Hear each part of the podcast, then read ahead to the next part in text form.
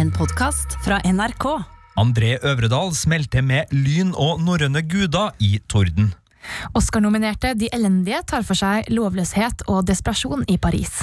Og filmfestivalen i Berlin har imponert med et program fullt av spennende arthouse-film.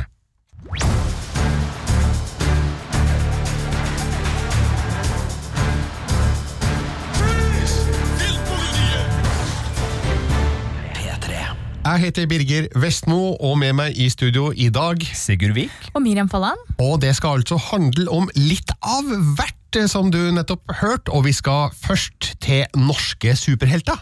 Ja, på et vis. altså Norrøn mytologi i litt sånn superheltland er jo ganske Ja, det svinger på skjermen om dagen. Altså, eh, Thor i Avengers-universet, ja, det er vel rett og slett noe av det mest populære kinofilmene noensinne. Og eh, Netflix slapp da for noen uker siden Ragnarok, norsk tenåring-fantasy der. Og så har da André Øvredal, kjent for annet Trolljegeren og uh, Scary Stories to Tell in the Dark, nå uh, lagt seg ut og laga kinofilm om eh, åsatro og lyn og torden. Brann i Åda for tre år siden. Fem personer brann inne. Det er han. Norske amerikanere i Norge på leiting etter slektninger. Og han har vært ute i skogen hele denne tiden. Eric, my name is Christine Aas. I'm a psychologist. Hei, du! Har du igjen deg ved? A lot of people are wondering what happened last night with you and the boy. If you touch me, you will burn. Ja, Her gikk det på engelsk og på norsk, og vi er på Vestlandet. Hva skjer der, Sigurd? Nei, Der er det en kar som heter Eric, som er norsk-amerikaner, som vi møter vandrende i skogen. Han spilles av Nat Wolf, og han sliter med at han driver og oppdager at han har krefter, Birger. Krefter som river og sliter i både hans mentale tilstand og i kroppen. Sånne krefter som gjør at lyn og torden ja, det kan han nesten styre når han får følelsesmessige utbrudd. Og når han blir skikkelig skikkelig sånn fortvilt, så tar han i, i treverk, og da blir det sånn svidde fingeravtrykk, og det, og det brenner seg inn i det, og vann koker når han blir sint. Altså, det, det, det er jo ikke naturlig. Nei, det høres unaturlig ut, faktisk. Ja. Eh, og eh, hvordan utvikler det her seg? Er det rett og slett en vaskeekte superhelthistorie, det her, eller er det noe annet? Det er i hvert fall nært beslekta med det. Det er en klassisk tilblivelseshistorie, eller origin story, vi her serveres fra André Øvredal. Og det handler da om Eric. Han er ø, alene i filmen i starten, men fordi han har behov, så, så må han inn blant eh, sivilisasjonen. Der skjer det en ulykke, eh, og han eh, møter krisepsykologen Kristine, spilt av Iben Akeli, som, som har veldig forståelse for at her er det en person som ikke er ond, men som, som har noe, noe som han ikke helt klarer å kontrollere. Dessverre så er både norsk politi og amerikansk etterretning litt mer sånn føre var, så de ønsker å, å gjøre noen undersøkelser. De drar på flukt, og det er liksom deres reise da, for å prøve å finne ut hva er det som er årsaken til Erics krefter, eh, som da er, er vår reise. Eh, og det foregår i eh, vestlandske omgivelser som er ganske mange sleggekast unna Marvel sitt glattpolerte, tegneseriebaserte, effektfulle landskap når det slår gnister i Tors sammer Her er det spektakulær, vill vestlandsnatur og ei lydside også som jobber veldig med, med elementene, kan man si. Så André Øvredal benytter det faktum av at han er i Norge her. Iben Akelie er sånn jeg tenker på som sånn tenåring, eller i hvert fall sånn ung, ung, ung kvinne. Og det å liksom se for meg henne som en utdanna psykolog høres litt rart ut, men hvordan funker det? Jo, hun er, er ganske ferskt utdanna, så, så hun er litt eh, sånn i, i, i startgropa. Eh, nei, det funker godt. Jeg syns både Iben Akeli og, og Nat Wolff de er solide og flinke skuespillere som gjør det her til, til en relasjon som fungerer, men det griper ikke. Altså, Den første timen av filmen ø, er ganske forutsigbar i handling, fordi det er en klassisk tilblivelseshistorie, og verken uh, Eric sine indre lidelser da, og, og hans kamp for å liksom uh, skjønne hva det er som skjer, og den ja, jeg kan avsløre, den forelskelsen som oppstår mellom våre to hovedpersoner, det, det er liksom sånn, det er ikke noe gærlig, det er greit framført, men, men det er ikke en, en relasjon jeg kommer til å huske, og som, som virkelig gjør inntrykk i, i kinomørket. Bare 'Å, jeg håper det går bra med dem'. Nei, og det er litt sånn psykologisk eh, drama i den første timen her. Det er en sober tone, og det, det holdes liksom i, i en litt annen sjanger enn superheltsjangeren. Og det er filmens svakeste del. Eh, Den siste halvtimen, hvor det virkelig eh, begynner å fyre av, det er blant annet en sekvens på Hardangerbrua, hvor du virkelig får en sånn megakulisse som både smaker av Norge, og som gjør at det kribler i norgesferieplanene mine for neste reisemål. Det, det er vanvittig kult å se på. Og, og når det da blandes inn mytologi, og man begynner å komme til kjernen i, i filmens spørsmål, altså hva er det egentlig som har utløst de her kreftene, hvor kommer det fra, og hvor, hvor bærer det hen, da snakker vi en mye bedre film. Du nevnte eh, Iben Akeli, som vi jo har sett i filmer som eh, Victoria og Dryads, Girls Don't Cry. Hun spilte en rolle i Mammon, og så så vi hun nylig i eh, filmen eh, De dødes tjern, nyinnspillinga av den gamle norske klassikeren. Eh, Men eh, hovedrollen her er vel da Nat Wolff, eh, som for meg er et forholdsvis eh, helt ukjent navn. Hvem er han, og hva gjør han? Han har spilt i et par tenåringsfilmer. The Fault in Our Stars var han vel med i, var det det? Og, og Paper Towns, hvis jeg husker riktig. Ja. En film jeg ga terningkast fire til. John Eh, Green-filmen. Ja, Ja. eh, to, det var Ja, begge, begge basert John på, John på John Green, Green-bøker. Um, uh, Men Hereditary er vel kanskje der han er mest kjent fra? Den, nei? og den har ikke jeg sett, men det er det broren, det. Det er broren. det er broren. Ja, tror ikke han er med i Nei, jeg, jeg tror det er broren som er med i Hereditary. Og de er veldig ja. Men jeg har ikke sett Hereditary, så det skal, der, der er, nå er jeg på, på, på tynn is her. Men um, han er uh, grei nok. Altså, det her er en uh, solid skuespillerinnsats også på han, og han har liksom uh, nok uh, karisma til at han funker litt i den der uh, kjærestematerialet som må reddes. Uh, altså at man, man, han har de kvalitetene som gjør at man, man skjønner den relasjonen, og han har noen, noen sånne blikk og noen vendinger som, som gjør at man, man liker ham. Men det er klart, for en mann i midten av 30-åra, så er det ikke her en, en sånn uh, karismatisk karamell som jeg virkelig uh, blir, blir truffet av. Han, han er ordinær i, i sin hovedrolle, syns jeg. Nå eh, slapp jo da Netflix eh, serien Ragnarok eh, for kort tid siden.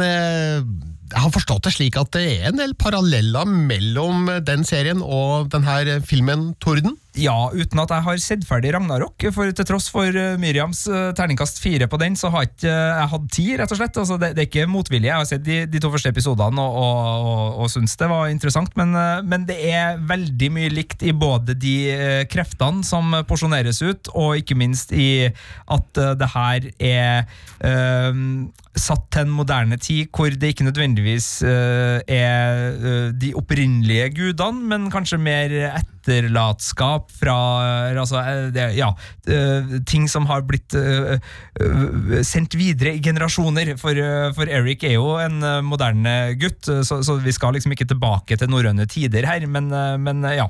Det er definitivt likhetstrekk, Birger, men nå kan jeg ikke si noe mer.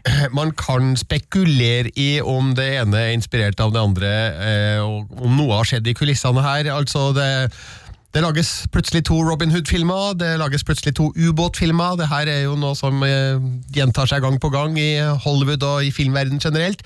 Hva som har skjedd akkurat her, om det har skjedd noe, det skal vi ikke si noe om, men det er en, det er en kjensgjerning da at det to tematisk ganske like produkter som har kommet med kort mellomrom her, da. Ja, og som er spilt inn i relativt uh, like lokasjoner. Uh, men jeg vil si at der får André Øvredal og, og Torden uh, tommelen opp. Altså fordi det er noen uh, scener som virkelig begeistrer med tanke på uh, den ville naturen. Altså, Ringenes herre-filmene starter jo med noen kjøringer langs, uh, langs fjellkammene i New Zealand som virkelig tar oss med inn i det universet.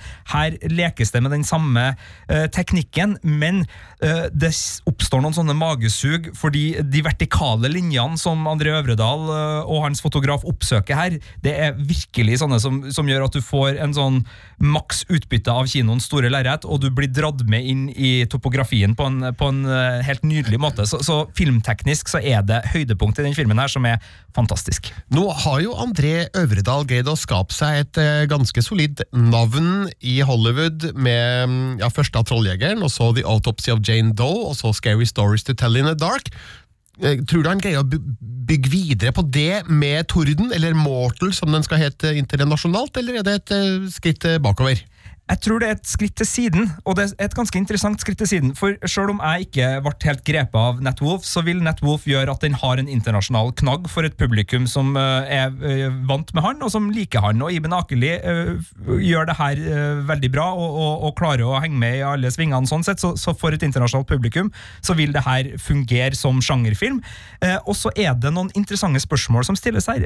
Blant annet så er André Øvredal og gjengen nysgjerrig på hvis en gud skulle øh, manifestere seg og på en måte bli bevist for en befolkning, hva vil det gjøre med religionen til alle de da som ikke tilhører den religionen? Altså muslimer, kristne, de av jødisk tro. Hvordan vil de reagere hvis en, en gudelignende skikkelse vil dukke opp på jorda? Det er et spørsmål som veldig få superheltfilmer eller gudefilmer har tatt opp øh, tidligere i det her sjangerlandskapet. Så den har noen sånne knagger som gjør at den stiller seg i, ikke i det store popkornlandskapet som Avengers og DC oppsøker, men den har liksom Den vil treffe et publikum som både er superheltglad, og som er litt mer glad i indiefilm og litt mer glad i, i litt mer sånn alternative nedpå-ting. Så jeg tror det finnes et publikum for André Øvredal her. eh, Både av de han har skaffa seg gjennom de tidligere filmene sine, men også eh, litt sånn som Brightburn var en sånn Supermann-film som kom i fjor, og som også tiltrakk seg litt annerledes. Litt sånn som M. Night Shyamalan har gjort med sin trilogi med, med Glass og uh, Split og, og da Unbreakable. Altså det, det, det er superheltfilmer som foregår i litt andre sjangre. Og, og det kan være ganske kult, så jeg tror eh, André Øvredal eh, har muligheten til å, å bygge videre på sitt eh, renommé og, og få et publikum inn med, med Torden, og jeg håper jo veldig at det blir en oppfølger, fordi jeg storkosa jo mest, mest de første, siste ti minuttene av den filmen her, og da var det jo liksom oppfølgeren jeg egentlig ble gira på. Ikke så mye Torden, det er litt dårlig gjort å si, men, men det er noe sånn det er, så, så jeg håper at det, det kommer en Torden 2, rett og slett. altså. Vi får se hvor godt eh, Torden nummer én gjør det på kino. Den har blitt kjøpt opp eh, til distribusjon i USA, som vel er ganske avgjørende, vil jeg tro, for at eh, filmen skal nå et større publikum.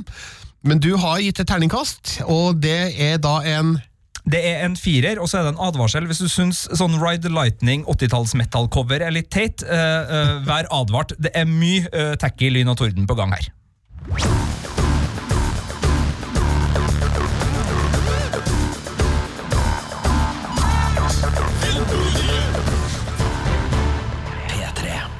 Vi skal over til en annen film som er aktuell på kino denne helga, nemlig De elendige. Og eh, filmen er alt annet enn elendig, Miriam. Ja, den er faktisk ganske bra. Den var Oscar-nominert for beste internasjonale film.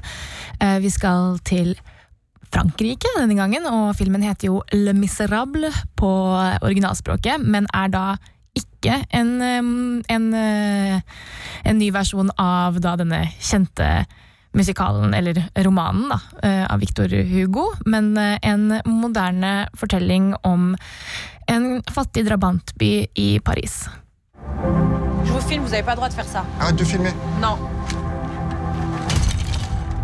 Hein, les gens d'ici, ils ont peur de vous, c'est tout. Crois-tu que la place d'un lion soit dans un cirque Les hommes ne devraient pas mettre en cage un animal aussi sage. Cela s'appelle la servitude. Vu comment ils nous traitent maintenant C'est moi la loi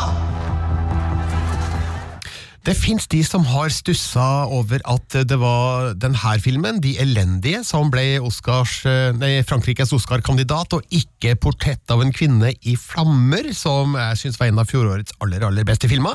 Men eh, jeg har også sett De elendige på filmfestivalen i Cannes i fjor, og jeg husker at den eh, gjorde inntrykk på meg. Men du skal nå fortelle meg hvorfor jeg syns den var bra, Miriam, for det er du som har anmeldt den. Ja, og jeg er også enig med deg, og jeg var, liksom, eh, jeg var veldig spent når jeg skulle dra og se den her, fordi jeg også, i likhet med deg, syns at uh, 'Portrett av en kvinne i flammer' var en av de beste filmene i fjor, og var egentlig ganske sånn sjokkert over at uh, den ikke var nominert for beste, eller var Frankrikes kandidat. da. Uh, men når jeg så den, så på en måte skjønner jeg det, selv om jeg personlig liker portrett bedre. Eh, så, så forstår jeg at det her er et, er et godt valg, fordi den er veldig, veldig rivende og, og, og innbydende og smart og kritisk og, og, og kanskje mer eh, kan, eh, bre, eh, Hva heter det? Bred. Ja, bred litt eh, over litt flere enn det 'Portrett av en kvinne i flammer' gjør. Samtidig som at den er, har en eh, veldig veldig viktig og spennende historie å fortelle. Ja, for hva handler De elendige om? Jo, vi er jo da som sagt i en drabantby, og vi blir satt liksom midt inne i en konflikt mellom politiet der og underklassen. Og da egentlig hovedsakelig eh, tenår, tenåringer og barn i underklassen, men også forskjellige aktører rundt omkring i byen. Da. Og eh, det er veldig mye, det er mye vold, og det er mye eh, desperasjon, egentlig. Folk har det ganske dårlig, og, og politiet da eh, føler at de må eh, arbeide på en måte som kanskje ikke er helt riktig, og som ikke er lovlig, eh, og bruke metoder som er ganske voldelige og brutale, fordi de, føler, de unnskylder det med at dette her er det vi må gjøre for å overleve i denne type verden. Og så fører jo det til da at befolkningen igjen reagerer eh, med misnøye mot politiet eh, og vold og, og ja, mistillit, da. Mm. Og det fører jo til en sånn, slag, en sånn veldig sånn godt eksempel på at vold avler mer vold, og så er det en sånn selvforsterkende sirkel som bare blir verre og verre, og eh, situasjonen eskalerer, og så handler jo da eh, filmen ganske mye om, eller mye om politivold, da. Mm. Eh, Hvor føler du at eh, filmen vil at du skal legge din sympati hen? Men ja, det er det som egentlig er litt kult, da. At det er ikke egentlig noen eh, helter eller skurker. Det er jo bare et veldig, veldig dårlig system som holder seg selv oppe, og som ikke gagner noen, og spesielt ikke de fattige i landet. Og politiet også. Jeg tror ikke de har det noe bra i den situasjonen. Så jeg tror det er det som den prøver å si, da, at det, det, er ikke noe, det er ikke noen vonde mennesker her. De er ikke egentlig noe kjipe. Det er bare de prøver å gjøre det beste de kan, og, og føler seg rett og slett eh, gjeldsløse i en elendig, elendig situasjon. Mm. Du, det høres jo veldig mørkt og trist ut, det her, eh, som jo jeg for så vidt vet siden jeg har sett filmen, men eh, fins det lyspunkter? Um, ja, altså eh, Lyspunkter Uh, Om de opplever noe fint, eller Ja, om ja. altså, ser du noe håp for disse figurene, enten om det er politi eller Politi eller tyv, skal jeg til å si? Nei. Nei. det, er ganske, det er ganske håpløst. Litt Ja. sånn miserabelt. mm. Eh, men Men filmen er jo Nei, jeg vet ikke. Stu? du? Ja, husker du Nei, noe sånn? egentlig husker jeg ikke at det var så veldig mye lyst her, nei. Jeg Nei. skulle bare høre om du hadde noe eh, annet inntrykk å trekke ut av, eh, av, av filmen, da, du som har sett den ganske nylig. Ja, nei, jeg syns ikke det. Og til tross for at den ikke er Altså, Det er jo ikke en moderne versjon av Le Miserable, den gamle boka, men den har veldig mange av de samme temaene. Og, og spiller jo på at den er satt i samme sted.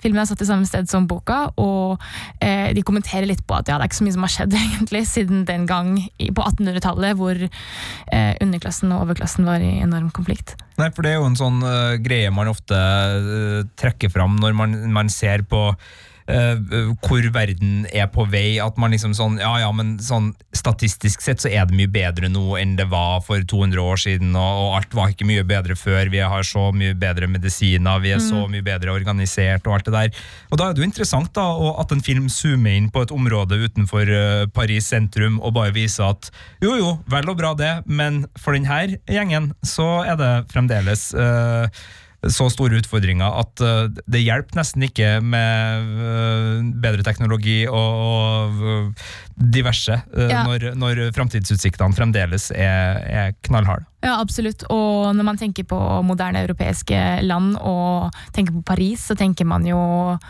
eller i hvert fall jeg tenker sjelden på de skyggesidene, da. Så jeg syns det er veldig kult at filmen trekker det frem, og den har jo også et sånt eh, Altså det er jo hovedsakelig innvandrere um, som bor der, uh, i den drabantbyen. Og han som har laget den, er uh, sønn av innvandrere fra Mali. Og um, i, det er jo, nå går kanskje litt utenfor, men i Frankrike sånn jeg har forstått det, så er det jo en ganske sånn eh, polarisering, en etnisk polarisering og en konflikt mellom da de hvite franske og de ja, innvandrere, eller ikke etnisk Hva sier man? Etnisk fransk, ja, hvite franske, da. Eh, og så jeg tror at det regissøren prøver å si her, er at sånn, se her, men de her er også dette er også en del av Frankrike, og disse er også franske folk. Og de eh, er, lever i et system som er ikke laget for dem, og ikke hjelper dem i det hele tatt.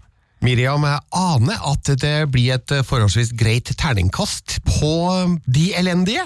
Ja, jeg landet på en femmer, men det er en veldig, veldig sterk En veldig sterk femmer. Veldig, veldig sterk Veldig sterk femmer. En klar anbefaling der altså. Takk, Miriam. De elendige er en av denne ukas kinopremierer.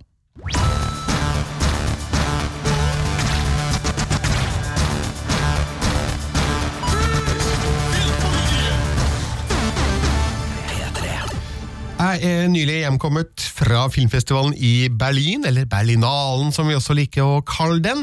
Eh, når denne podkasten spilles inn, så pågår eh, festivalen fremdeles, så det er jo ikke avgjort hvem som vinner de gjeve prisene her, eh, som da i Berlin er Gullbjørn og flere Sølvbjørner.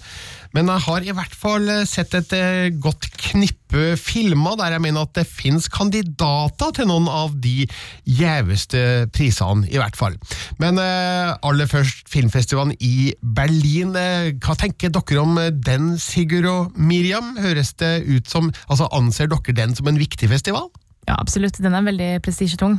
Og hvis man vinner da Gullbjørnen, så er det jo et ganske kvalitetsstempel med en gang. Ja, ja Og så har den jo øh, både blitt øh, litt, en litt sånn TV-vennlig festival. Den har hatt en del premierer på en del store europeiske TV-serier de siste årene. Uh, og det er jo også, uh, og det her vet jeg fordi at du har sagt det, Birger, Ja. en film som uh, har begynt å ta inn over seg en viss sjanger, eller det er mer enn én sjanger, men altså den litt smalere og kunstnerisk interessante filmen, der andre festivaler kanskje er mer opptatt av Hollywood og, og glamour og store stjerner. Det er helt korrekt, for um, Berlinalen er en av de fem store. De største er nok da uh, først og fremst Cannes og Venezia, og så har du da Toronto i Canada og, og Sundance i Utah, USA. Det er de fire største omtrent i den rekkefølgen, tror jeg. Og så kommer Berlin på en uh, hederlig femteplass. Uh, de andre festivalene trekker de store stjernene og de store filmene, eh, gjerne de som eh, kommer til å vinne Oscar-priser, sånn som eh, Venezia spesielt nå. da. Eh, og Berlin arrangeres jo da rett etter at eh, Oscar-racet er over, altså den såkalte award season, da, som jo kulminerer med Oscar. Det er jo ingen amerikanske studioer som vil ha premiere på en film de håper kan vinne Oscar allerede i februar. Sånn at eh, de store Hollywood-studioene de skyr Berlin. Eller kanskje er det omvendt, kanskje er det Berlin som skyr de store Hollywood-studioene, fordi de har forstått at eh, deres styrke ligger på et annet felt.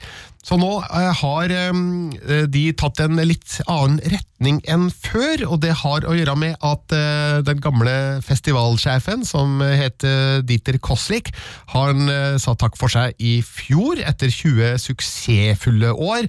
Altså, han har, han har bygd opp eh, Berlinalen eh, til det den har blitt i dag. Flytta den fra en litt sånn søvnig augustfestival til litt mer levende februarfestival. Eh, Det skal sies at Berlin i februar, det, det er kaldt og guffent, altså. Og det blæs innmari mye i Berlin. Eh, surt og kaldt. Derfor så er det jo da mye god tid å tilbringe innendørs i varme kinosaler, selvfølgelig. Så eh, det er en festival som er gull for å oppdage litt smalere film fra ja, alle verdenshjørner, egentlig. Og når jeg tenker på de beste filmene jeg så der i år, så er det opptil flere av dem som jeg tviler på vil få vanlig kinodistribusjon, eh, men som du kanskje kan eh, få med deg på en eller annen eh, festival her hjemme i Norge da, i løpet av de nærmeste månedene. Det er jo da to nye sjefer for Berlinalen som heter Charlo Chatrian, nei, Carlo Chatrian og Mariette Riesenbeck, som da har lykkes med å gi Berlinalen en ny giv på programfronten. Så skal det sies at uh, Berlinalen sliter med omgivelsene sine, fordi uh, alt foregår rundt Potsdamer Platz, først og fremst. Og akkurat det området er ramma av store nedleggelser for tida. Fordi ja, Det her blir litt spesifikt da for de som kjenner området, men eh, de har jo fått et nytt stort kjøpesenter som heter Mall of Berlin, som ligger et stykke bortafor Potsdamer Platz. Og det har gjort at det store kjøpesenteret i selve festivalområdet det er nå lagt ned, det er under ombygging. og hva det skal bli der, det vet man ikke helt. Men det har også da gjort at publikum har jo forsvunnet fra området, slik at flere restauranter og barer i festivalområdet er også nedlagt. Og det her vi er, altså, Nå skjønner jeg din fortvilelse, Brygger. Det er Ja. restaurantene og barene, ja, det er dem. Det går ikke an å få kjøpt seg øl! eh, og også et stort kinokompleks i Sony-senteret, som ligger vis-à-vis festivalområdet, er nedlagt, og der sliter jo også restaurantene, sånn at eh, hele området der Berlinalen foregår, fremstår nå som litt dødt, og det er litt trist og kjedelig. I hvert fall når festivalen viser seg å være så sprek og levende som den er. Eh, Det her er jo selvfølgelig interessant kun for de som er der på festivalen, og kanskje ikke så mye for dem som prøver å få med seg nyheter fra festivalen på annen måte, men eh, det er observasjoner som jeg gjorde mens jeg var der. da. Men en spennende festival, altså, selv om det ikke er særlig mange Hollywood-stjerner der, eksempel. Det er noen, men ikke så veldig mange, og det er ikke sånne Så du noen stjerner? ja, jeg skal komme tilbake til det. Eh, og ikke så mange filmer som kommer til å nå et kjempestort publikum. Så syns jeg det er interessant å være der og få med seg strømninga i kinolandskapet. Litt utafor mainstreamen, da, og det er Berlinalen veldig bra på. Ja, og uh, for en del år siden så ville jo liksom det å ikke få kinodistribusjon være nesten det samme som at da ble ikke de filmene sitt, men med strømmetjenestenes inntak så er det jo mye mer interessant å være på en del sånne festivaler, nettopp fordi at de også er der, og plutselig så dukker den filmen som ingen norske kinodistributører ville ta i, på Netflix eller på en Amazon Prime eller en annen plass, sånn at det er tilgjengelig for oss som, som ikke da reiser festivalene øh, rundt. Det er helt riktig, og jeg tror nok at en del av de filmene som jeg skal snakke litt om nå, eh, kanskje vil ta turen rett til strømming, da. Eh, vi får se. Men eh, det er da sånn at jeg var jo da på Berlinalen den første halvdelen, og derfor så kan jeg jo ikke si mye om hele programmet, fordi det er masse filmer jeg ikke har fått sett men jeg så en del gullfilmer. Og den første jeg vil snakke om, den heter First Cow. Den er laga av en amerikansk eh, kvinnelig regissør som heter Kelly Reichardt. Og eh, hun har laga et drama fra et eh, rimelig tøft miljø eh, bestående av pelsdyrjegere i eh, Oregon på 1800-tallet. Eh, på et tidspunkt der Oregon, som da en stat i det nordvestre hjørnet av USA, var forholdsvis lite utforska, omtales som en frontier. Altså det er villmark det er snakk om det her, som man ikke helt har kartlagt. Og der møter vi da to karer som har ramla litt utafor fellesskapet. Det er da en kokk eh, som er litt sånn stille, myk fyr. Og så er det da en eh, kinesisk rømling eh, som har begått et mord på et eller annet tidspunkt, får vi vite. Som eh, er et oppkomme av eh, ideer, men han har kanskje ikke den store gjennomføringsevnen, da. Og så finner de her to karene sammen, og så oppstår det et uh, uventa varmt vennskap eh, mellom dem. Altså vi snakker jo, Det er ikke noe homo, homoerotisk inne i bildet her, altså det er bare sånn vennskap eh, der de eh, finner noe i hverandre som gjør at de skjønner at her kan vi kanskje få til noe. Og så eh, setter de i gang et uh, lite prosjekt uh, der den enes bakeegenskaper skal komme godt med. Nå eh, kommer kua inn i bildet, eh, siden filmen heter First Cow. Eh, Det finnes nemlig bare én eneste ku i hele området, og den tilhører den lokale sjefen, som Han er en slags myndighetsfigur, jeg er ikke helt sikker på hva slags funksjon han har. Men i hvert fall, de trenger melka til den kua. Men ja, hvordan de skal få tak i den, det er jo da noe du får oppdage i filmen. Ble veldig sjarmert av First Cow, som forteller en eh, historie fra et miljø som vi ikke har fått sett fra det perspektivet før, og man kan jo tenke seg til at det er da muligens eh, regissørens kjønn som eh, gjør at det er en historie med en litt annerledes vinkling, da. Ja, hva, hvem er det som har laga den? Kelly Reichardt heter hun. Hun har laga film før, som jeg ikke har sett uh, sjøl, men uh, hun har visstnok et stigende navn da, i eh, filmkretser. Så det her er en film jeg håper blir tatt inn på kino i Norge. Veit ikke om noen har uh, grabba den enda. Det er jo sånn at uh, Filmer som vises i Berlinalen, eh, de, de kjøpes og selges eh, omtrent samtidig, for parallelt med festivalprogrammet så finnes det en sånn- noe som heter European Film Market, som er en stor arena for kjøp og salg av film. Og hadde jeg vært norsk kinodistribusør, så hadde jeg vurdert First Cow. For eh, jeg tenker at det kan være en gullbjørnkandidat. Om ikke gull, så kanskje sølv, for det finnes flere priskategorier, selvfølgelig. Eh, en nydelig film som jeg fikk et stort bankende hjerte for.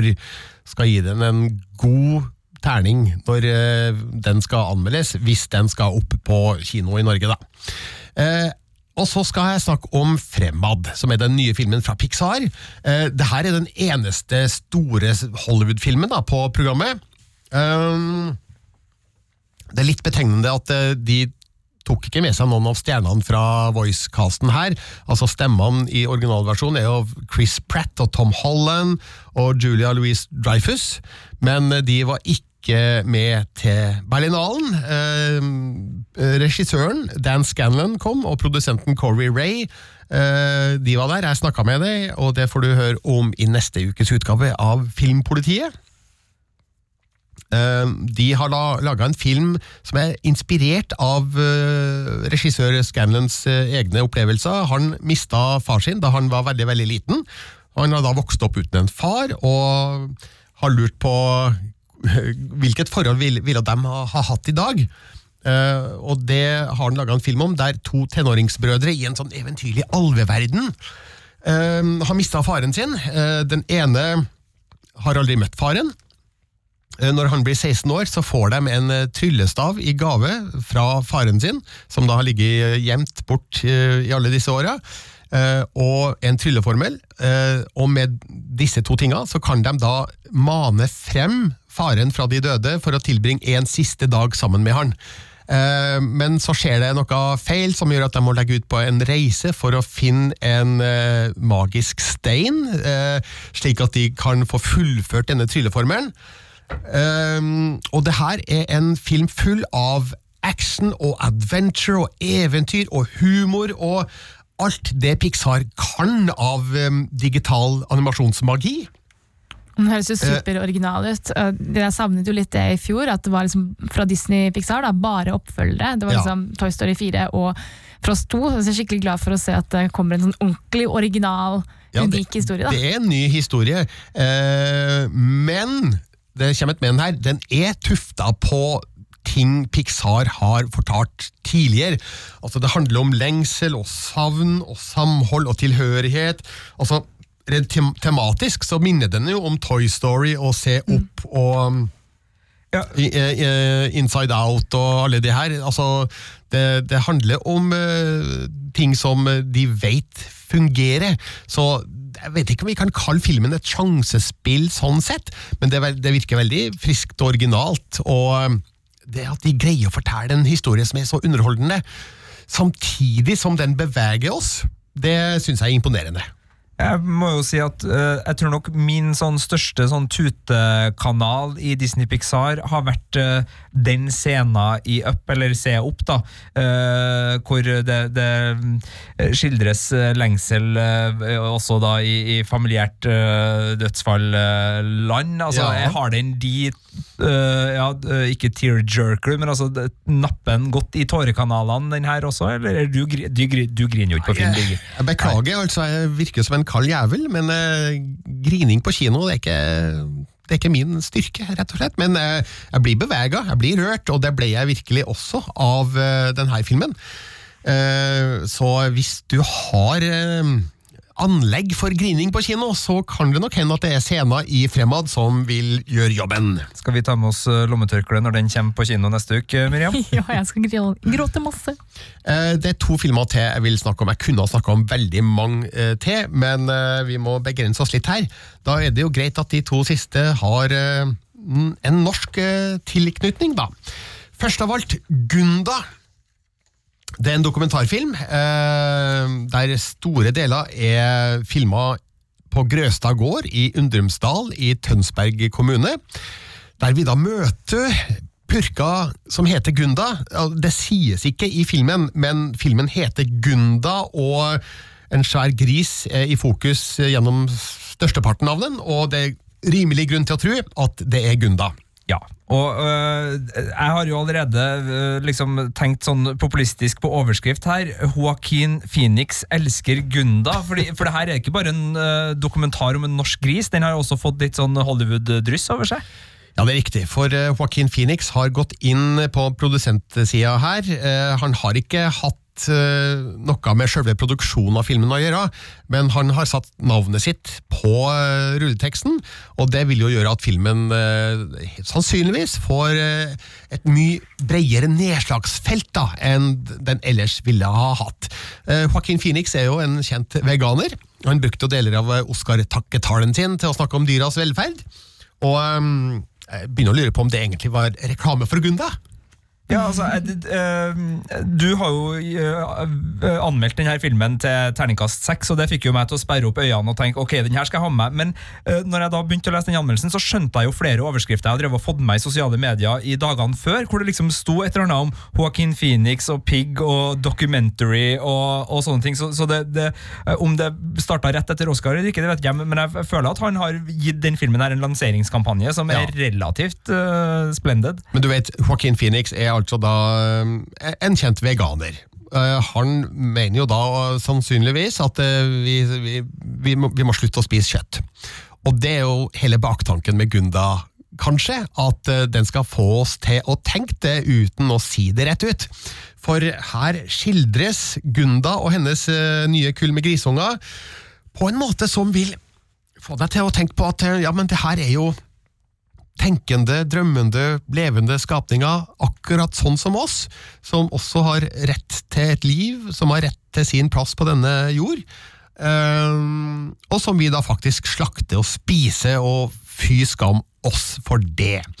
Og det er jo ikke til å komme bort ifra at eh, da jeg så Gunda, så ble jo jeg grepet og sjarmert av eh, disse figurene som jo da trer frem ut av kinolerretet, og de blir ikke bare anonyme, navnløse dyr. altså Den ene har jo til og med et navn. Um, Du har ikke lyst på bacon fra Gunda, rett og slett? Nei, altså, men du, jeg kommer jo til å fortsette å spise bacon. Eh, sånn er jeg. Eh, svinesteik er godt, og ja, Men jeg lurer litt på, eh, noen sånne vegandokumentarer er jo veldig sånn eh, Kanskje litt sånn moraliserende. Det høres ut som den her ikke er det like mye. Nei, Den er ikke moraliserende i det hele tatt, for jeg må forklare litt mer om hva slags film det her er. Den er regissert av Viktor Kosakovskij, som er russisk.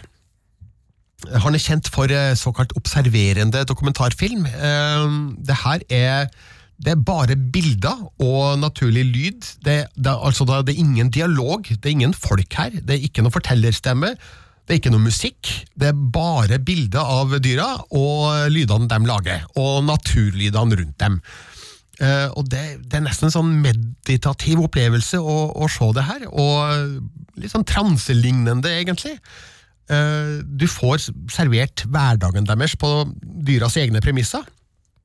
Og det er veldig effektivt, og det er nydelig filma av uh, Kostakowski sjøl, og også da hans norske eh, fotograf Erling Hårskjold Larsen. Eh, og det er da rett og slett eh, sort-hvitt-bilder det er snakk om. Eh, gnistrende sådanne. Det er fantastisk eh, estetisk eh, prestert, og eh, bare av den grunn så er jo det her en film man må se på kino hvis man kan. Sjøl om sikkert eh, mange kommer til å se den eh, på TV etter hvert, så vet jeg at de jobber for å få den opp på vanlig kino i Norge til høsten. Så da håper jeg at Gunda blir en eh, stor eh, hjemlig suksess. Eh, Jeg vet også at den er kjøpt opp eh, til USA av eh, selskapet eh, som eh, Ja, nå har jeg glemt hva de het. Eh, Neon heter de, ja. Og det var de samme som kjøpte inn Parasitt og gjorde den til Oscar-vinner. Så du skal ikke se bort ifra at Gunda kanskje blir Oscar-nominert om et års tid. Det hadde vært gøy, for den har kvaliteter som eh, gjør at den eh, kan hevde seg godt i dokumentarkategorien der. Den eh, har blitt møtt med veldig gode kritikker i Berlin. Altså, ja, den fikk terningkast seks fra meg, som er da viktigst av alt, selvfølgelig. Men den har også fått veldig veldig god omtale i bransjebladene Variety og The Hollywood Reporter og Screen Daily og Sinne Europe. Og hvis man eh, vet hva slags tidsskrifter det er, så vet man at den har scora bra. Den har gjort en eh, fabelaktig inntreden på Berlinalen. Så mitt håp er jo at eh, Gunda kan få et eh, langt og godt liv.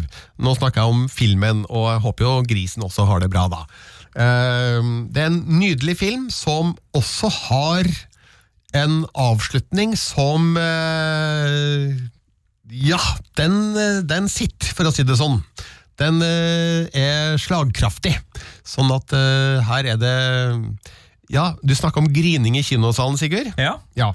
Nei, altså, du, du er jo en uh, mann som, som sjelden går dit. Nei, men Ja, jeg, jeg vil ikke si for mye, men uh, tenk over det faktum at Eller hvorfor ales det opp griser på en gård? Å nei. Ja. Eh, men Gunda er terningkast seks-film, uh, og virkelig et uh, skue. Og eh, det var en av de eh, beste filmene jeg så. Eh, men den har konkurranse fra en film til som jeg må snakke om. Og den heter Last and First Men, og er en eh, Ja, det er jo en dokumentarisk kunstfilm i litt sånn kvasi-science fiction-land. Det er litt vanskelig å kategorisere den. Eh, Den er, den er regissert av eh, Johan Johansson, eh, islending, som eh, har gjort seg veldig bemerka med filmmusikk til The Theory of Everything og Denis Villeneuve-filmene Sicario og Arrival. Han døde dessverre i 2018. Da var han i godt gang med eh, Last and First Men. Eh, prosjektet ble lagt på is en stund, men så ble tråden tatt opp igjen av de han jobba sammen med. Blant annet den norske filmfotografen Stula Brandt Grøvlen, som da har filma det her. Og hva har han filma? Ok, hvor skal jeg begynne hen, da? Eh, Det er en film som studerer monumenter reist under eh, det kommunistiske styret til Josip Tito i X, altså det tidligere Jugoslavia, i etterkrigstida. Og um, Altså Bare monumenter reist? Altså, bar, ja, så det handler ikke om Titos Nei, det handler jo det, det, det, det er bare monumentene som er filma, og det er sånne svære betongkonstruksjoner som eh, tilhører vel en kunstretning som kalles eh, brutalisme.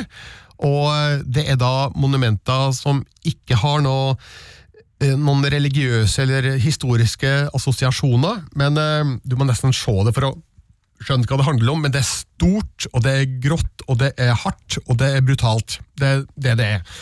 Og det ble satt opp av Tito på en måte for å, for å samle folket, da, fordi det, han hadde en, en sånn idé om Jugoslavia som et slags utopia, og eh, det skulle bli så stort og flott det her, og når vi vet at Jugoslavia da til slutt opphørte å eksistere, så skjønner man at det gikk jo til helvete med Titos eh, plan. Filmen er da akkompagnert av Johan Johanssons fantastiske filmmusikk, som er mørk og dyster og enorm og pompøs. Eh, flott. Og så hører vi da Tilda Swinton, den kjente skuespilleren, leser utdrag fra en science fiction-bok. Den ble utgitt i 1930 og heter også da Last and First Men. Skrevet av en britisk eh, forfatter og filosof som het Olaf Stapleton. Og eh, det her er da en eh, historisk beretning eh, skrevet av en menneskerase om to milliarder år. Mellom nå og da så har det da nemlig, ifølge denne boka, eksistert 18 unike menneskeraser, der vi er den første. Og den 18. og siste, de skriver da en beretning om hele denne tidsperioden, som de kommuniserer tilbake til oss gjennom tid og rom for å fortelle om sitt utopia, og hvordan det nå er i ferd med å gå til grunne.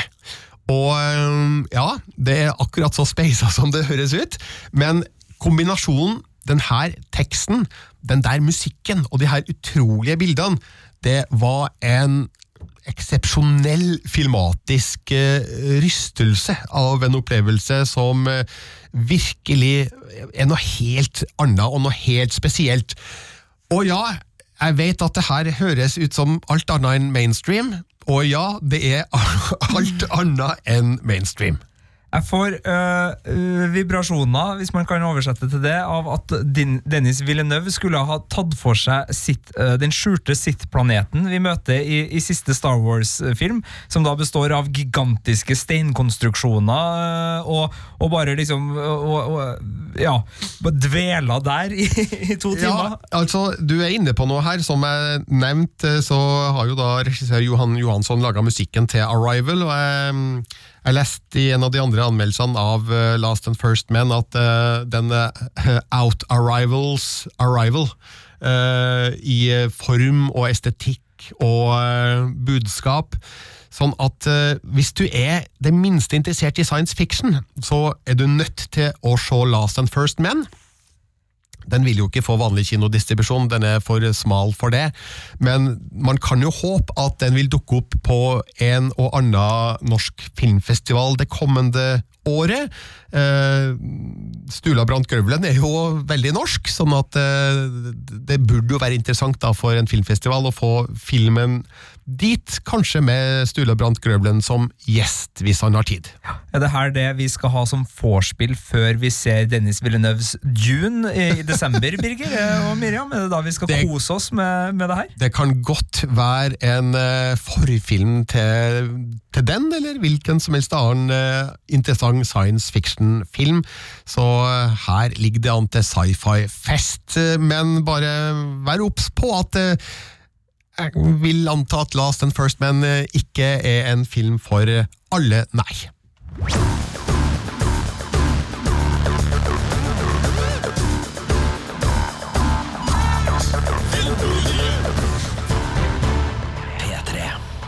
Miriam, du spurte meg om, eh, om jeg møtte noen kjendiser på Berlinalen. Ja. Ja, nå skal du få svar på det. Ja, det gjorde jeg. Eh, men møtt og møtt, det spørs hva du legger i det, da. Jeg har vært i samme rom som Sigourney Weaver. Uh. Jeg er stor, stor fan av Sigourney Weaver. Altså, hun har jo da spilt Ripley i eh, fire Alien-filmer, hvorav spesielt de to første er blant mine all time favorittfilmer. Og Men, men Ghostbusters, Birger? Sier ikke Ghostbusters først? Nei, jeg sier faktisk ikke Ghostbusters først. Eh, Det er en fin film. Jeg har, eh, har noen eh, nostalgiske følelser for Ghostbusters òg, men det er Alien og Aliens som for meg står som de største Sigourney Weaver-filmene. Hun var der med åpningsfilmen i år i, i Berlin. My Salinger Year het den. En ganske fin, morsom, hyggelig liten eh, film om eh, en ung aspirerende forfatter som eh, får seg jobb for en forfatteragent i New York på midten av 1990-tallet. Og det er da Sigourney Weaver som spiller denne agenten, og en av deres største og mest utfordrende jobber er å ta hånd om kultforfatteren J.D. Salinger, mannen bak boka The Catcher in the Rye. Og ja, jeg mm, fikk ikke møtt Sigourney Weaver personlig i Berlin, men jeg var på pressekonferanse med hun da, og eh, som sagt, jeg har vært i samme rom som hun, og det var stort nok for meg. Så sto jeg på gata en dag utafor Festivalpalasset, tilfeldigvis idet Johnny Depp kom ut av en limousin og vifta med hatten til fremmøtte fans som hylte og ropte og skrek, og han var på gateplan i ca. 3,5 sekunder før han forsvant inn døra, og vel, sånn er det vel å være Johnny Depp, vil jeg tro, da. Hæ, har Johnny Depp fortsatt skrikende fans? Han har fortsatt skrikende fans. Wow. Eh, Han, han er jo ikke det han en gang var. Han- Han var på topp lenge, men karrieren de siste åra har vel tatt et steg ja, om ikke til sida, så i hvert fall nedover. Eller omvendt, om ikke nedover, så i hvert fall til sida. Nei, Ja, nedover det, det har gått litt nedover. Ja. Ehm, hvorfor liker vi ikke Johnny Depp så godt lenger? Er det pga. ting i privatlivet hans?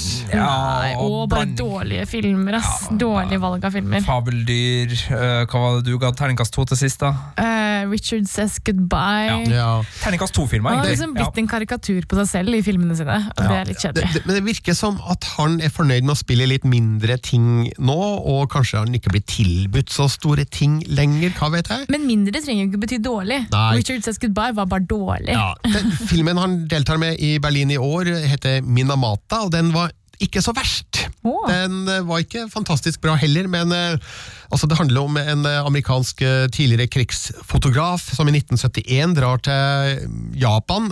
Han blir overtalt til å dra til Japan for å dokumentere utslipp av giftstoffer i en liten fiskelandsby. Og så blir han veldig engasjert, og så blir det egentlig kanskje det største han noensinne har gjort. da. Eh, og det er jo da Johnny Depp som spiller denne eh, fotografen, og eh, han gjør en grei innsats, sjøl om jeg greier ikke å fri meg fra inntrykk av at Johnny Depp spiller Johnny Depp nok en Ja, gang. Nok en gang. Eh, men ok, Minamata er en film Den er god nok til å kanskje få kinodistribusjon. Det vil jo tida vise. Eh, og så eh, møtte jeg Roberto Benigni, eh, den italienske skuespilleren som er mest kjent for å gå på stolryggene på Oscar-utdelinga i 1997 eller 98. Ice cream, you scream, we all scream for ice cream! Ja. Down by Lord Jim Jarmers 1986. Fy søren, for en film det Det er. stemmer jo, men han, han er vel mest kjent for livet er herlig. Ja, det er en, en uh, gripende, vakker og morsom skildring fra livet i konsentrasjonsleir, der han og sønnen hans uh, gjør uh, sitt for å overleve nazistenes eh, grusomheter. I 2002 så laga han en eh, ny versjon av eh, Pinocchio, der han sjøl spilte Pinocchio som 50-åring. Eh, jeg har ikke sett den filmen, men det, er vel flere, som har sagt at det kanskje bare var litt rart at en 50-åring spilte Pinocchio. Men nå er han på Berlinalen med Pinocchio! Ja, enda en ny film!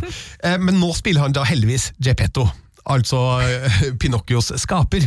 Eh, men det er Matteo Garone som har laga en ny versjon, eh, som legger seg tettere inn til den originale boka av Carlo Collodi. Og den er fin. Den er vakker. Den er, den er Men er den ikke også ganske mørk og, ja, og det, litt det er det som er så bra. Den, den er mørk og den er ekkel, og de, de tråkker til i noen scener her. Det er fremdeles en film for barn, men det, det er en mye mørkere utgave av Pinocchio enn det man husker, spesielt hvis man bare har sett Disney-versjonen. Eh, Så det er en film jeg likte, og jeg håper at eh, den blir kjøpt inn for kinodistribusjon i Norge. og Det er i hvert fall en film for de store, store kinolerretene. Eh, Skal vi nevne bare at eh, Disney selvfølgelig kommer med sin eh, live action Pinocchio også på sikt. Det vel eh, Robert Semekis, din, din gamle Tilbake til fremtiden-venn, som Ja, skal, skal styre med den. Og også Guillermo del Toro som vi ser faktisk på å lage sin versjon av Pinocchio, så det blir mye Pinocchio i åra som kommer. Men det en kjendis, eller kjent person eh, fra dette oppholdet i Berlin som vil eh, sannsynligvis sitte i hjernebarken min en eh, god stund fremover. Jeg har nemlig møtt Hillary Clinton. Hvor sjukt er ikke det? Det er helt vilt. Altså, Hillary Clinton eh, vært politisk aktiv i en manns alder, eller kvinns alder. Hun var USAs førstedame, eh, i og med at hun er gift med tidligere president Bill Clinton.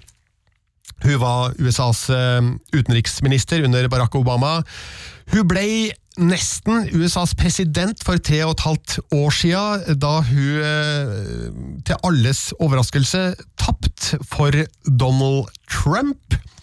Og nå er hun i Berlin for å presentere en firetimers dokumentarserie om hun sjøl, som heter Hillary, eh, der hennes liv og karriere skildres, eh, med da presidentvalget i 2016 som bakteppe. Det var derfor jeg møtte Hillary Clinton, og det gjorde jeg på et utrolig fasjonabelt hotell i Berlin som heter Adlon Kempinski. Det ligger rett ved Brandenburger Tor. Og Jeg har aldri sjekka hva det koster å bo der, men det er sikkert eh, sånn, ja, 5000 per natt for det billigste rommet, vil jeg anta. Eh, Jeg regner med at eh, Hillary Clinton bor i en av de store suitene der da, når hun er der. Eh, Jeg møtte hun sammen med sju andre journalister. Vi satt eh, rundt et eh, stort bord, og eh, nå skal dere få høre hvordan det hørtes ut eh, når Hillary Clinton kom inn i rommet og bare tok det. Hun kom og tok rommet. Hello, everyone. Hello. Welcome, welcome. Thank you so much for doing this. Huh. well, we just want to have as you know freewheeling a conversation as possible and answer as many of your questions as possible. Så man skjønner jo hvorfor Hillary Clinton er den hun er, fordi hun kommer inn med en sånn enorm autoritet og ut, utstråling, og nesten utspekulert eh, tilnærming da til journa- journalistene, med en sånn overstrømmende holdning som gjør sånn at vi, vi, vi får følelsen av at det mest spennende og interessante hun har gjort i dag, det er å møte oss. Men eh, Miriam, du har jo amerikanske aner og familie, eh, og, og har jo litt mer USA-peiling enn meg. Birger. Altså, Hvordan eh, standing har Hi- Hi- Hildog, holdt jeg på å si, altså Hillary Clinton, i, i USA om dagen? Uh, hun er vel ikke så veldig populær. Um, eh, jeg, jeg, det er sikkert litt det samme som det var for, for tre og et halvt år siden. Da. Det er liksom halvparten som fortsatt eh, liker henne veldig godt, og så halvparten hater henne og tror at hun er en verdens største skurk. Ja, men hun, hun fikk tre millioner stemmer flere enn Donald Trump. Men, men er hun celebrity? liksom? Er hun kjendis, eller er hun bare politiker og litt sånn grå? Å ja, nei, nei, hun er kjendis. Ja, hun har ganske sånn kjendisstatus. Det er Hillary. Men eh, hun har jo trukket seg litt tilbake da, etter at hun tapte presidentvalget for tre og et halvt eh, år siden. Hun fortalte eh, i intervjuet at nei, hun går lange turer og nyter livet med Bill Clinton og, og, og deres tre barnebarn. og har det egentlig veldig bra personlig, men som aktivt menneske med politisk bakgrunn, så våkner hun opp hver dag og er bekymra over det som skjer i, i verden, da. Eh, dere skal få høre litt mer av, eh, av eh, mitt møte med Hillary, eh, fordi eh, jeg måtte jo spørre hun og også regissør Nanette Bernstein, Burstein om eh, denne dokumentaren, fordi Hillary omtaler seg sjøl som en privat person. Så hvorfor stiller hun da opp på en fire timer lang dokumentar om seg sjøl? In one of the episodes, you admit to being a private person. Uh, still, you've sat down to do a four-hour documentary. Yeah, yeah. What's wrong with this picture? and some of the things you are talking about is, I presume, personal and maybe even painful. So, what's in it for you? You know, I have been uh, in public life now for a very long time, and I have seen so many uh, misconceptions about me, so many ridiculous false stories about me. At some point, you want to try to set the record straight. You want to try to say, okay, like me or not, at least look at me with some element of authenticity and truth about who I am and who I've always been. I really have been the same person, and I think that comes through in the documentary from, you know, my college years all the way until the 2016 election. Who I am, what I stand for, what I believe in, why I'm motivated to do public service. And I did not know that this movie would turn out to be what it is. When we started, it was going to be a behind the scenes look at the 2016 campaign because we had thousands, a couple thousand hours of uh, video footage that had been shot. And so when um, Propagate, the producers, and that's Howard, he's one of the partners, um, was um, uh, approaching us about it. It was a campaign film. Then they hired Nanette, and she had the task of going through the thousand, 2,000 hours of footage. several months. yeah, several months of, you know, 8, 10, 12, 15 hour days. Yeah. And she's the one who came back and said, there's a bigger story here.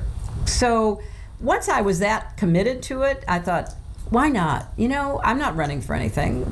You know, maybe this is an opportunity, warts and all, to tell a story about who I am. And maybe that will help a lot of people better understand me and, and also realize, in my view, now this is obviously my perspective, how they have been misled. You know, all of the crazy things that have been said about me over all these years. So I said, okay. And it's also a story about modern day America, isn't it, Nanette? It is, and that I think was the uh, what I presented to Secretary Clinton was, is you know, a there has been all of this stuff said about you, and let's let's show the real you. But but even more importantly, and I think this is what- was appealing to me and her ultimately is there's a much bigger story that you, having been at the tip of the spear for you know so much of the feminist movement over the last 50 years and partisan politics you know the, the arc of our, our political system that has become incredibly divided that through your personal story there's an opportunity to really reflect on our, our culture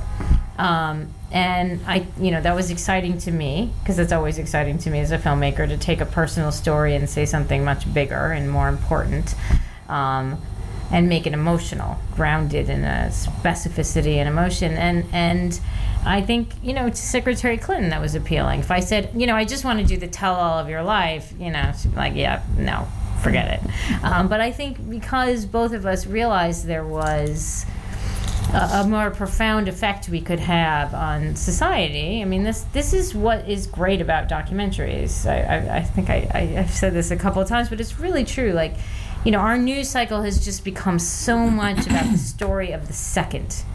And, and so it really has become uh, uh, reliant on documentary filmmakers to be able to tell a, a broader and more thoughtful look on things. And fortunately, around the world, including America, for the first time ever since I've been making documentaries, you know, partly because of streaming and a host of circumstances, people are compelled by them. So there is this great opportunity to make a difference uh, with the stories you tell. Det sa regissør Nanette Burstein, som altså ikke bare har laga en firetimers dokumentar om Hillary Clintons liv og karriere, men det er samtidig en reise gjennom eh, ja, det moderne Amerika da, gjennom de siste ja, 30-40 åra.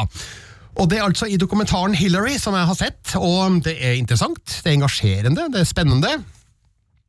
Kan vel også si at det er en ganske tradisjonelt løst dokumentar, da, med mye talking heads og mye arkivklipp, eh, men det er mulig at eh, det er her- det her formatet som passer best da, for å fortelle denne historien. Eh, Noen som føler noe interesse for å se dokumentaren om Hillary? Jeg blir jo mest egentlig bare sånn trist av å høre på det. egentlig, hun, jeg stemte jo på Hillary, og uh, Hillary har liksom alltid, er, vil jo på en måte alltid være presidenten i mitt hjerte. Da. Så jeg blir bare sånn åh, Det er fint å høre at hun har, liksom, har det bra da, og har lyst til å komme ut og eh, oppfattes som ekte og, og vise sitt sanne seg. Da. Men Mhm. jeg blir jo liksom veldig ja, trist. Ja, Hun sier jo eh, et annet sted i det intervjuet som, eh, som, eh, som hun gjorde i Berlin, at, uh, hun, eh, at, at det fins mange i USA som rett og slett ikke ønsker å ha en kvinnelig president. Mm. Og at hun mener det var deler av årsaken til at eh, hun tapte det valget. Mm. Uh, ja, Sigurd. Uh, yay or nay til Hillary? Ja, det blir sett den eh, dokumentaren der. Jeg synes jo Det er alltid fascinerende med folk som uh, hevder at folk har fått feil inntrykk av meg. Jeg vil rette opp det inntrykket. Uh, om det er Trump, som jeg tror også er truende til å si lignende ting, uh, eller bare altså, ja. det, det er jo noe med det behovet eh, for å, å, å få liksom ettermælet sitt riktig nagla, som er Ja. fascinerende, uavhengig av om man uh, syns en uh, vennligsinna dokumentar fra en filmskaper som jeg hørte på intervjuet her, Selv om hun mener at dokumentarfilmskapere er godt skikka til å fortelle eh, verdensarvens historie, så er det jo klart at uh, de kommer jo ofte fra, fra sine tilholdssted og har sine vinklinger, og vi lever jo i en aktivismedokumentartid som er unprecedented, for Yep. å bruke et godt amerikansk eh, ord. Så nei, men det var fascinerende, og jeg gleder meg til å se. Og det er jo som du sier, altså den, den valgkampen som, som endte opp da med at vi, vi fikk Trump, både med tanke på antall stemmer og hvor de havna, med tanke på hva som lå bak av konspirasjonsteorier og mulige konspirasjoner, og selvfølgelig også den uh, feministiske vinkelen her. Jeg syns det er kjempefascinerende, og jeg, jeg gleder meg til å se. Ja, Det skal sies til hennes uh, credit eh, at uh, i det lydklippet vi har hørt, så, så poengterte hun at det er, hen, det sett fra hennes perspektiv at det er mange fe feiloppfatninger rundt hun. Men etter å ha sett de fire episodene, så kan jeg vel si at det kan jo virke som at regissøren Anette Burstein vennligsinna da, overfor sitt eh, subjekt. Eh, så eh, du får, du får ta dokumentarserien for det den er, men den gir i hvert fall et eh, innblikk i eh, hennes liv og karriere, og hun snakker veldig åpent om eh, mørke kapitler i sitt liv, eh, og det inkluderer den kjente såkalte Lewinsky-skandalen fra slutten av 90-tallet. og til og med Bill Clinton er med og snakker veldig åpent og ærlig om eh, det som eh, skjedde, og eh, hvor stor idiot han var. Og ja, han eh, sier også at han er veldig lei seg for at eh, det her har definert eh, Monica Lewinsky's liv på en veldig urettferdig eh, måte. Så syns det kommer godt fra det, altså. Men det her skal dere få se med egne øyne. Eh, spørsmålet er bare når dere får sett det, og det har vi ikke svaret på i dag. Eh, denne dokumentaren er jo da i salgsmodus akkurat nå på filmfestivalen i Berlin, og det er ikke avklart om den er kjøpt inn av noen i Norge så langt, men det vil forbause meg om vi ikke får sett dokumentarserien Hillary på norske skjermer med tid og stunder. Med det tenker jeg at eh, nok er nok, og at eh, vi sier takk for eh, følget i denne podkasten. Du finner flere podkaster i appen NRK Radio, og så er vi på sosiale medier. Det er vi. Vi er på Instagram, der heter vi NRK Filmpolitiet. Og vi er på Twitter, der heter vi NRK Filmpolitiet. Eh, og så er det selvfølgelig mange podkaster som ligger der du allerede har funnet denne podkasten, blant annet en serietipspodkast med Bjarte Tjøstheim. Ja da, selveste Bjarte Tjøstheim, eh, der han anbefaler tre eh, serier. Så sjekk gjerne ut det. Vi som har sittet i studio i dag, har rett og slett vært Miriam Folland. Sigurd Vik. Og Birger Vestmo. Hei! Jeg heter Tuva Fellmann, og i snart ti år så har jeg jobbet med programmet Juntafil. Det vil si at jeg snakker om sex, kropp og følelser hver eneste uke. Og det vil også si at jeg har faktisk lært noe nytt om kroppen nesten hver eneste uke i ti år. For eksempel så lærte jeg at ved et kyss, altså ved å kline rett og slett, så utveksler man så mye som 80 millioner bakterier. Jeg lærte også at testiklene faktisk kan presses opp i lysken hvis man presser hardt nok. Jeg vet ikke om jeg vil anbefale det, men det er i hvert fall en gang der hvor de en gang har vandret ut. I tillegg så fikk vi inn spørsmål om det er vanlig at puppene blir større i desember. Det måtte vi jo selvfølgelig finne ut av. Hvis du har lyst til å høre svaret, eller lære mer om sex, kropp og følelser, så laster du ned Juntafil som podkast. Det kan hende du syns det er litt flaut, men det har du nok bare godt av.